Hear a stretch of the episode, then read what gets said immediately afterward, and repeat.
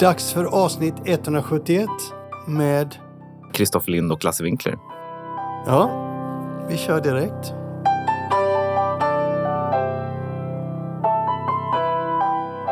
Nu ska vi prata bokformat och i synnerhet mitt favoritbokformat.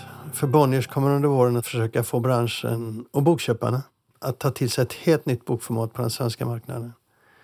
B-formatet som ju då är mitt absoluta favoritformat. Men innan vi börjar så ska jag bara säga att, att en av de som ska hyllas eller eh, uppmärksammas då tycker jag i, ifall det blir så, det är Nörhavens tryckeri som har drivit den här frågan i så många år i Sverige. Av egenintresse, för de har ju de vill gärna trycka den typen av böcker och de har tryckpressar som passar. Men de älskar ju det formatet, de som dels äger och arbetar där.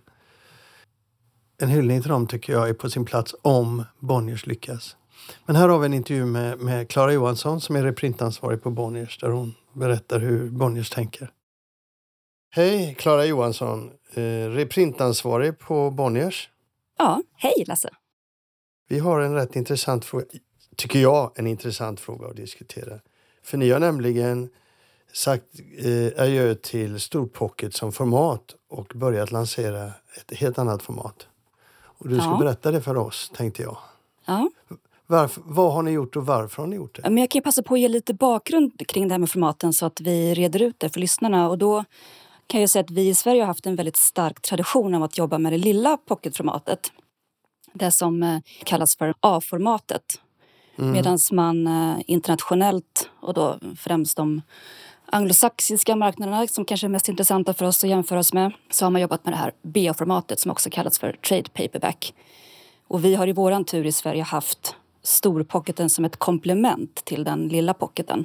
Och vad vi gör nu då, vi slopar vårt standardformat för storpocket och ersätter det med, med B-formatet. Och den som kanske är lite nördig kring, kring format så kan jag säga att en liten pocket mäter 110 gånger 178 millimeter en B-pocket mäter 128 gånger 190 mm.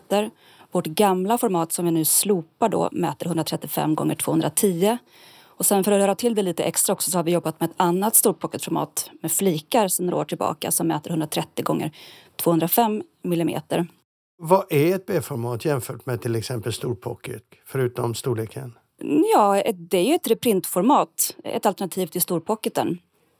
Varför då inte behålla storpocket? Därför att vi tycker att det här är ett så pass schysst format och vi behöver, vi har flera olika anledningar till att varför vi byter. Det här är ett schysst uppskattat format. Vi märker av konkurrensen från de internationella utgåvorna.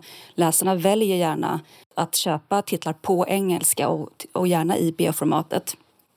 Och kan vi då konkurrera med ett, med ett likvärdigt eh, format och gärna samma omslag också så är ju det en bra grej tänker vi. Och vi behöver också hitta en bättre lönsamhet i vår reprintaffär. Det är svårare, att, det är mer komplext kan jag säga, att prishöja den lilla pocketen som regleras av prisgrupper så kan vi erbjuda ett nytt schysst format som läsaren ska förstå varför den kostar lite mer. Den ska upplevas som mera påkostad. Så är det en, en bra grej, tänker vi. Klara, bara, bara tror jag för de lyssnarna där B-formatet är ju inte en pocket rakt av som storpocket är. Det är bara en förstorad mm. pocket. Mm. B-formatet har ju andra kvaliteter. Vilka är de? Jag, tänk, jag tänker så här. Jag menar, tittar du internationellt så är papperskvaliteten annorlunda ofta. Du har en bygel i boken som gör att när du viker den så viker du inte rakt in på limmet utan du har en extra möjlighet att vika och läsa den ser fortfarande snygg ut. Och sen har du som mm. du sa andra omslag också. Ja absolut. Den här större storpocketen som vi slopar nu det är ju en enklare produkt och den här B-pocketen räknar vi med att göra mer som en mer påkostad produkt med extra finesser och, och bigad rygg och ibland flikar och så. Så absolut, en, en schysstare produkt. Ja, jag tror att det är viktigt för folk att fatta detta. För ärligt talat, jag tror inte att folk i butik ser skillnaden när de tittar på en bok utan de behöver veta mer varför. Ja, så jag vill att du ska blåsa den stora trumpeten. ja, men alltså det är ju... Ja, det, men det är ju internationellt så är bioformatet väldigt uppskattat och vi märker det på läsarna här också att de gärna väljer bioformatet. och i internationella utgåvor. Och kan vi möta det med en svensk produkt i samma format och ofta samma omslag om det är översatta titlar så ja, gör det så likvärdigt som möjligt som de utgåvorna och gör dem extra schyssta och påkostade. Okej. Storpocketen har ju ofta varit ett eh, sett som ett mellanformat kanske, att det kommer efter den inbundna utgåvan och innan en liten pocket. Det kommer ju fortsatt eh, bli så för B-formatet. Men det kommer också bli så, ser vi, att eh, den titel stannar i B-formatet. Att den inte tas ut som liten pocket eller att det dröjer rätt mycket längre innan den kommer i pocket. Allt det här handlar ju i grunden om ekonomi, får vi kanske säga till lyssnarna. Det handlar ju om ett, det är ett försök att få en bättre ersättning, alltså bättre pengar till förlaget. För den här B-pocketen, den kommer, hoppas ni i alla fall, att ligga runt 150 i, ut på marknaden. Vilket ger förlaget ett F-pris, en ersättning som är mycket högre än om man gick direkt till pocket. Ja, Det är bättre marginaler i, i det här formatet, absolut. Ja, det är bättre ekonomi och det tror jag är viktigt för lyssnarna att förstå. Då. Jag kommer efter vi, vårt samtal här att gå igenom vissa saker runt det här med B-pocket eller B-formatet. Men vad ska det kallas tycker du? Det är superklurigt med det här med, med de olika formaten. Och läsarna är inte särskilt intresserade. Pocket är ju ett etablerat namn i Sverige och då tänker man ju på den lilla pocketen. Jag är, inte, jag har inte så svårt personligen för att man kallar en, en större pocket för stor pocket. Men jag vet att det kan upplevas som lite problematiskt. Man vet inte riktigt vad det är för någonting. Ja, nu är det ju inte längre, B-formatet är ju inte en stor pocket längre utan det är en mer kvalificerad produkt.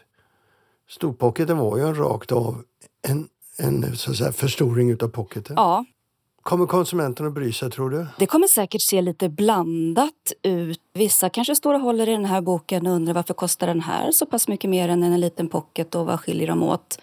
Men sen bokläsarna har ju hyfsat bra koll tror jag också på sortiment och format och, och uppskattar den här produkten och kommer se att det är en, en schysst produkt som det finns anledning att betala lite mer för. Det, vårt standardformat, det tidigare standardformatet för stor pocket, det slopar vi till förmån för B-formatet. Sen har vi under flera år an, jobbat också med en annan typ av stor pocketformat med flikar. Ja, men det kommer att finnas kvar. Och det kommer vi fortsätta med. Vi tar ut lite olika typer av titlar i de olika formaten.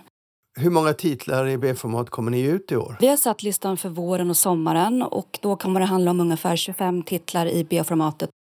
Och i höst, hur ser det ut då? Jag kan tänka mig att eh, vi adderar eh, kanske 10 i B-pocket. Okej. Den är inte helt spikad den listan. Men jag kan säga att vi på Bonnierförlagen så ger vi ut 200 reprint-titlar om året.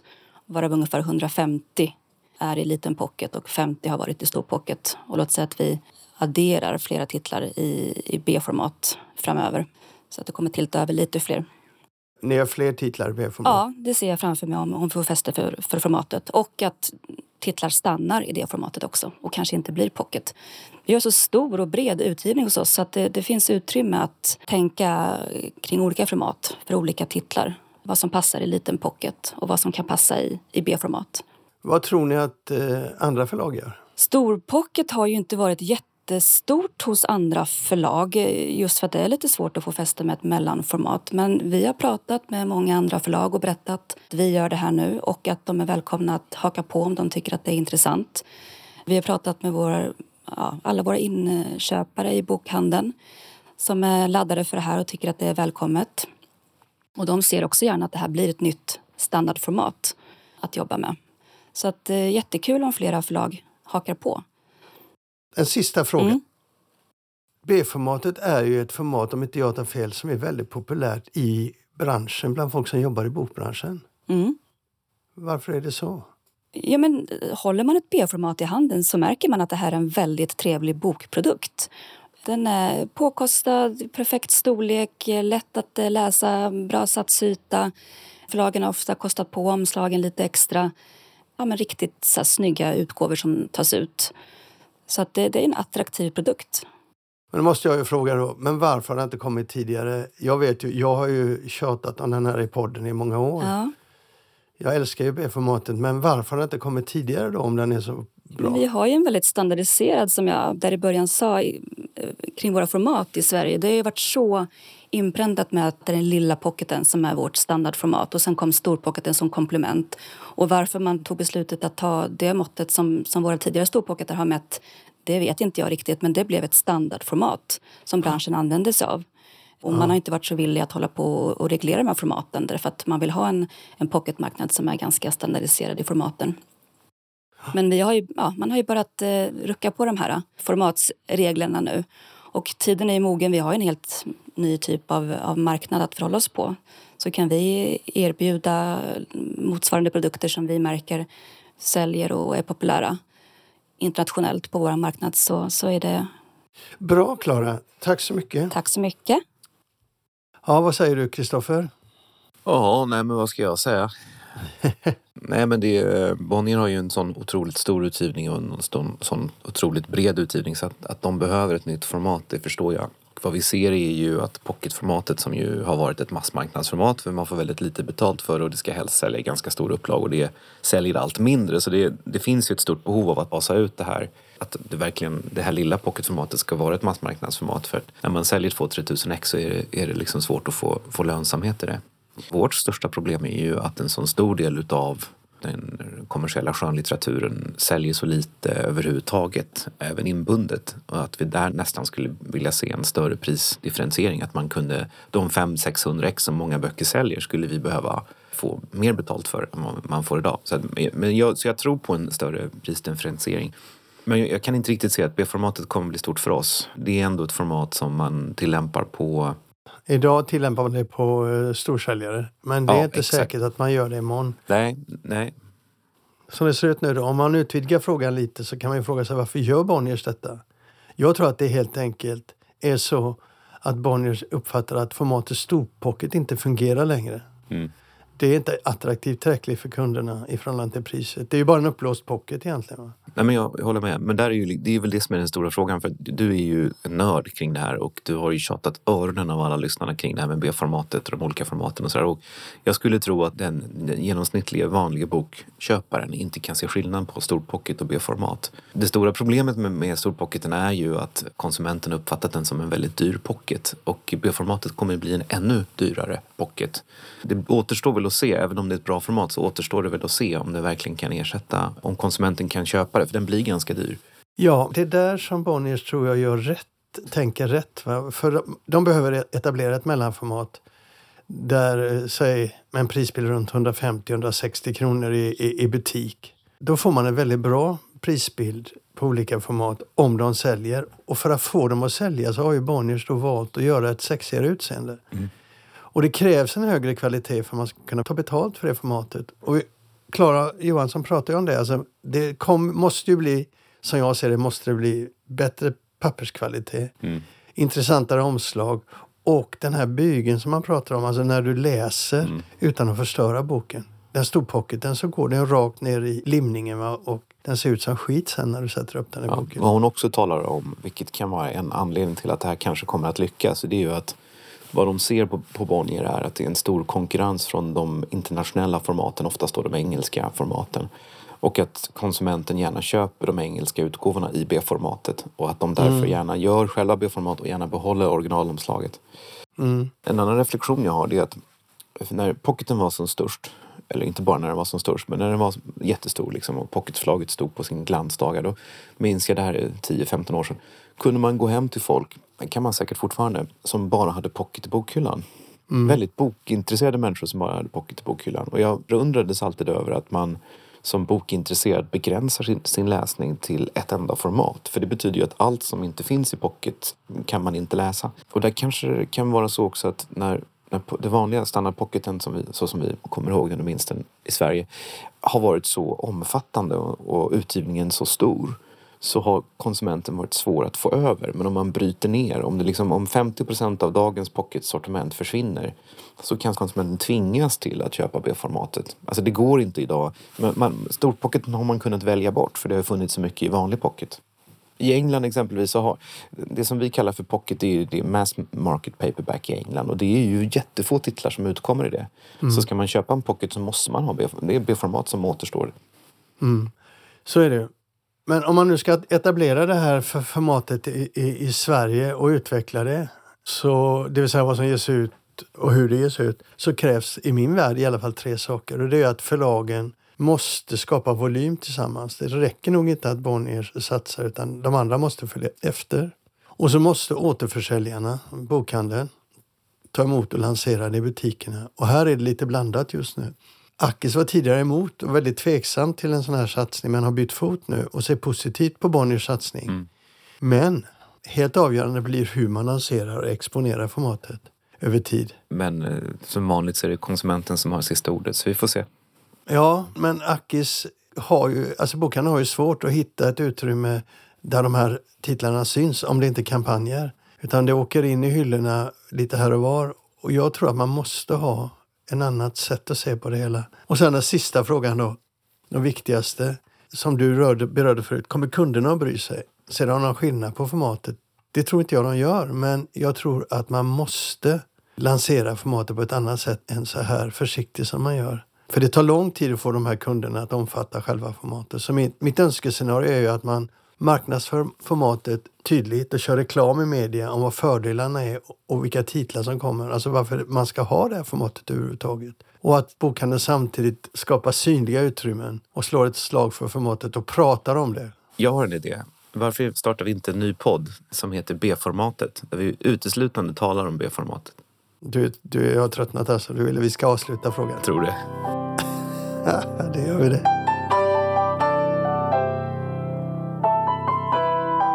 Det är dags för en ofta återkommande ämnet hur marknaden ser ut. Och vi har julhandeln bakom oss nu. Mm. Och du är lite eh, bekymrad. Ja, jag vet inte om jag är bekymrad, men det har ju varit en dålig julhandel för förlagen i alla fall. Jag vet inte, bokhandeln kanske har haft en bättre julhandel. Det kan ju vara så att bokhandeln har en bättre julhandel. De säljer andra saker också. Alla förlag som jag har talat med har försäljningsminskningar i julhandeln på mellan 10 och 25 procent. Och det är eh, stora förlag som små förlag och det verkar vara genomgående ganska dålig julhandel. Lind Company ligger i den högre delen av det där. Tappade den 25 procent ungefär i julhandeln. Och jädrar. Mm. Och det är ganska mycket faktiskt. Den digitala försäljningen är hos oss så pass hög, vilket fungerar som en krockkudde när det fysiska går ner. Men det är fortfarande väldigt tråkigt och det är mycket försäljning som försvinner. Vi står ju nu inför ett år där vi går in i en ny avtalsrörelse. Vi har jättehög inflation, lönerna kommer öka. Papperspriserna har ju rusat. Vi har 10 procent nu i januari, ökning Mm. på papper. Så att det kommer ju bli, förlagen går ju från några väldigt bra år och jag tror att 2023 kommer bli ett mellanår, för att inte säga ett dåligt år för ganska många. Vi ser också att det är den digitala tillväxten håller på att plana ut. Det kommer inte heller att väga upp så mycket från, från det som, som minskar på papper. Vad kan vi vänta oss eh, framöver då i en sån situation? Ja, men dels så tror jag att vi ser ju då att en del, eh, alltså förlagen höjer ju priserna, bokhandeln höjer priserna. Så det kommer ju ske en, en prishöjning på böcker och jag kan väl tycka att en del av de här prishöjningarna är rimliga och är efterlängtade. Och att det funnits en del inkonsekvenser i prissättningen på böcker. Exempelvis så har en fackbok, en hobbybok, en, kanske en bok om att sticka har haft ett F-pris på 120 samtidigt som en ny deckare kanske haft ett F-pris på 150 trots att den där stickboken är otroligt mycket dyrare att tillverka. Den borde snarare ligga på 180 och sådär. Jag, jag, jag ser nu att förlagen börjar liksom se över sina priser mycket mer och man har priser som mer är baserade på vad man vad man faktiskt kostar att ta fram. Så- Och det tror jag kan vara något positivt. Sen vad som är lite oroväckande, det är ju inget nytt, men, men jag, upplever att de fysiska volymerna kommer ner till kritiska nivåer. Det är ju att det sker också en strukturell förändring i vad man kan ge ut. Det blir ännu svårare än det har varit tidigare att få lönsamhet i böcker som kanske inte går så bra digitalt. Där är ju barnböcker drabbas ju väldigt hårt. De är också ganska relativt låga F-priser, relativt höga tryckpriser eftersom det oftast är fyrfärg och låga upplagor och sådär. Det är jobbigt. Mm. Och sen har vi det som inte du kanske ska säga så mycket om eftersom du inte är där kanske. Men en del förlag måste ju skära kostnader rätt ordentligt och då är det ju frågan om personalsituationen kommer att se ut. Jag tror att vi får en del eh, nedskärningar på personalsidan. Jag vet en del som redan har gjort det men jag tror att vi kommer att se mycket mer av det. Jag vet inte, jag har inte hört något om det från någon faktiskt. Jag tror säkert att förlagen kommer... Det känns som att det går så fort också. Alltså vi, för ett halvår sedan så såg allting fortfarande ganska bra ut. För ett år sedan i synnerhet såg det ganska bra ut. Förutom, ja, då hade inte ens kriget i Ukraina börjat. Nej, så att jag, jag vet faktiskt inte, jag vågar inte säga något om det. Men rimligen så bör förlagen titta lite och se över lite sina listor, kanske skära lite i utgivningen. Framförallt tror jag att förlagen håller lite mer i pengarna också. Att man kanske inte betalar så dyra förskott och tar ut svängarna så mycket. Marknaden kommer att bli ansträngd helt enkelt. Mm. Och jag är också orolig, lite orolig för bokhandeln. För jag läste en artikel i Dagens Industri för några dagar sedan som handlade just om att de flesta som har hyresavtal, det gäller även Lind Companys hyresavtal, har ju såna här indexklausuler som innebär att man har rätt Alltså man har ett, ett, ett, avtal med en underliggande hyra som man har kommit överens om och som löper på ett, ett visst antal år. Men sen har man indexklausuler som gör att fastighetsägaren har rätt att höja hyran i takt med inflationen. Och när inflationen är 1,5 procent så spelar det liksom ingen roll. Men när inflationen helt plötsligt ligger på 10-11 procent så blir det fruktansvärt kännbart. Enligt den här artikeln då så vill majoriteten av alla fastighetsägare, de håller fast vid den här klausulen som de ju har rätt att hålla fast vid. Men det är otroligt hårt för alla handlare som samtidigt då ser att kanske försäljningen går ner. Och sen så ökar också kostnader för löner och sådär. Och uppvärmning, el, det är en stor utgift för många butiker. Det kan bli svettigt. Just hyreshöjningar är ju ingenting som drabbar förlagen i någon större utsträckning. För förlagens kontorslokaler är en väldigt liten utgiftspost. Men för bokhandeln är det en stor utgiftspost. Ja, I synnerhet så är ju detta ett problem. Eh, det är problem överallt, men många av de här stora aktörerna på köpcentra verkar vara stenhårda på att de ska kompenseras för den här eh, inflationen mm. rakt av. Andra kanske inte kan ta ut det här, men de sitter ju lite i en guldsits på det sättet att de kan plocka ut inflationen medan andra får betala för den. Och där ligger ju framförallt Akademibokhandeln ofta i de här köpcentren. Så där kan det bli en eh, ekonomisk smäll för Akademibokhandeln som kan påverka prisutvecklingen också, antar jag. Jag tror alla liksom som har, ligger i sådana där lägen har, är utsatta så att säga. Men eh, sen får vi se hur den underliggande efterfrågan utvecklas. Det är ju också avgörande. Mm. Ska vi byta ämne? Ja.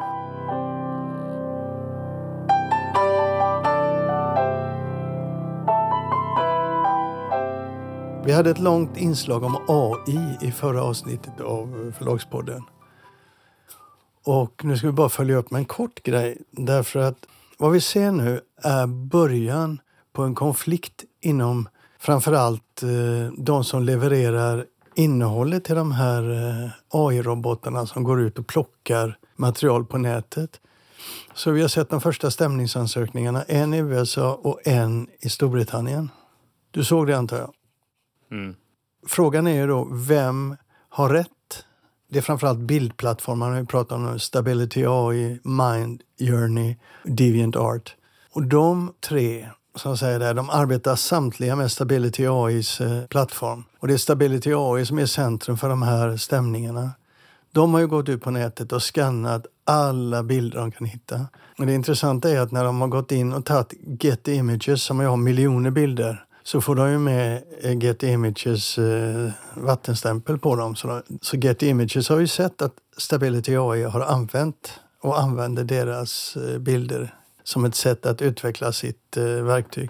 Men får jag bara fråga, jag har inte läst den här artikeln. Den här AI-tjänsten har alltså skannat massa bilder som finns tillgängliga för att sen använder de här bilderna till att skapa nya bilder i form av collage eller vad det nu kan vara. Men de har väl inte tagit bilderna rakt av? Den här AI-robotarna då, de går ju ut och plockar kunskap på nätet kan man säga. Mm. Bilder, mm. bilder, bilder. Mm. Sen använder du de här eh, tjänsterna när du eh, ska försöka bygga upp idéer till exempel för omslag. Så, va? jag vill ha en stor morot i höger hörnet och så kan du då skapa en sån bild med den här plattformen och fundera, nej den fungerar inte, jag vill ha den där nere exempelvis. Sådär, va? Bilderna de har eh, plockat ihop då för att lära sig så att säga, känna igen och skapa, de kommer ju från hela nätet. Det där är ju väldigt intressant. Undrar om det är samma sak med den här ChatGPT som alla har hållit på med, som vi också talat om. Den där när man säger skriv en, dikt, en skriven hyllningsdikt till Norstedt som fyller 200 år, Hjalmar Söderbergs anda och så dyker upp en text. Mm. Har de kanske snott lite text från Hjalmar Söderberg då, tror de har skannat av nätet. Just OpenAI då som ligger bakom ChatGPT, de har inte sagt någonting om vad de har tagit texter och så, men Stability AI är byggt så, så att du kan gå in och titta. Och det har då Get Images gjort och de har sagt att vi är inte ute för att stoppa den här tjänsten, den nya tekniken när den kommer. Men frågan är, ska de ha tillgång till vårt material utan att betala för det? Det är ju copyright-intrång, säger Getty Images då. Fair use, som det kallas i USA, säger Stability AI då. Och i Storbritannien. Så det måste avgöras i domstol och tre stycken konstnärer har också stämt dem i USA. Då. Vad vi ser nu det är ju hur det juridiska nätverket eller juridiska strukturen ska se ut runt de här tjänsterna i framtiden. Och just nu är det oreglerat. Det var ungefär som du kommer ihåg när musik eh, Napster kom för musiken en gång i tiden. Då var det också oreglerat. Och sen så kom ju massa sådana här situationer där juridiken kom in och satte gränserna. Vad är tillåtet? Vad är inte tillåtet? Och det kommer också då att bestämma, tror jag, vilken riktning de här eh, verktygen kommer att utvecklas i. Hur dyra de kommer att bli, vad de kommer att innehålla och så. Så i sig är det inget eh, märkligt det som sker utan det är nästan nödvändigt att man testar rättigheterna här. Eller vad tror du? Rimligen så bör man ju, om man skannar av massa information så, här, så kan det vara kanske antagligen svårt att identifiera vad, vad som hämtas varifrån och hur mycket man lånar. Jag tror att det kan bli svåra avgränsningar faktiskt.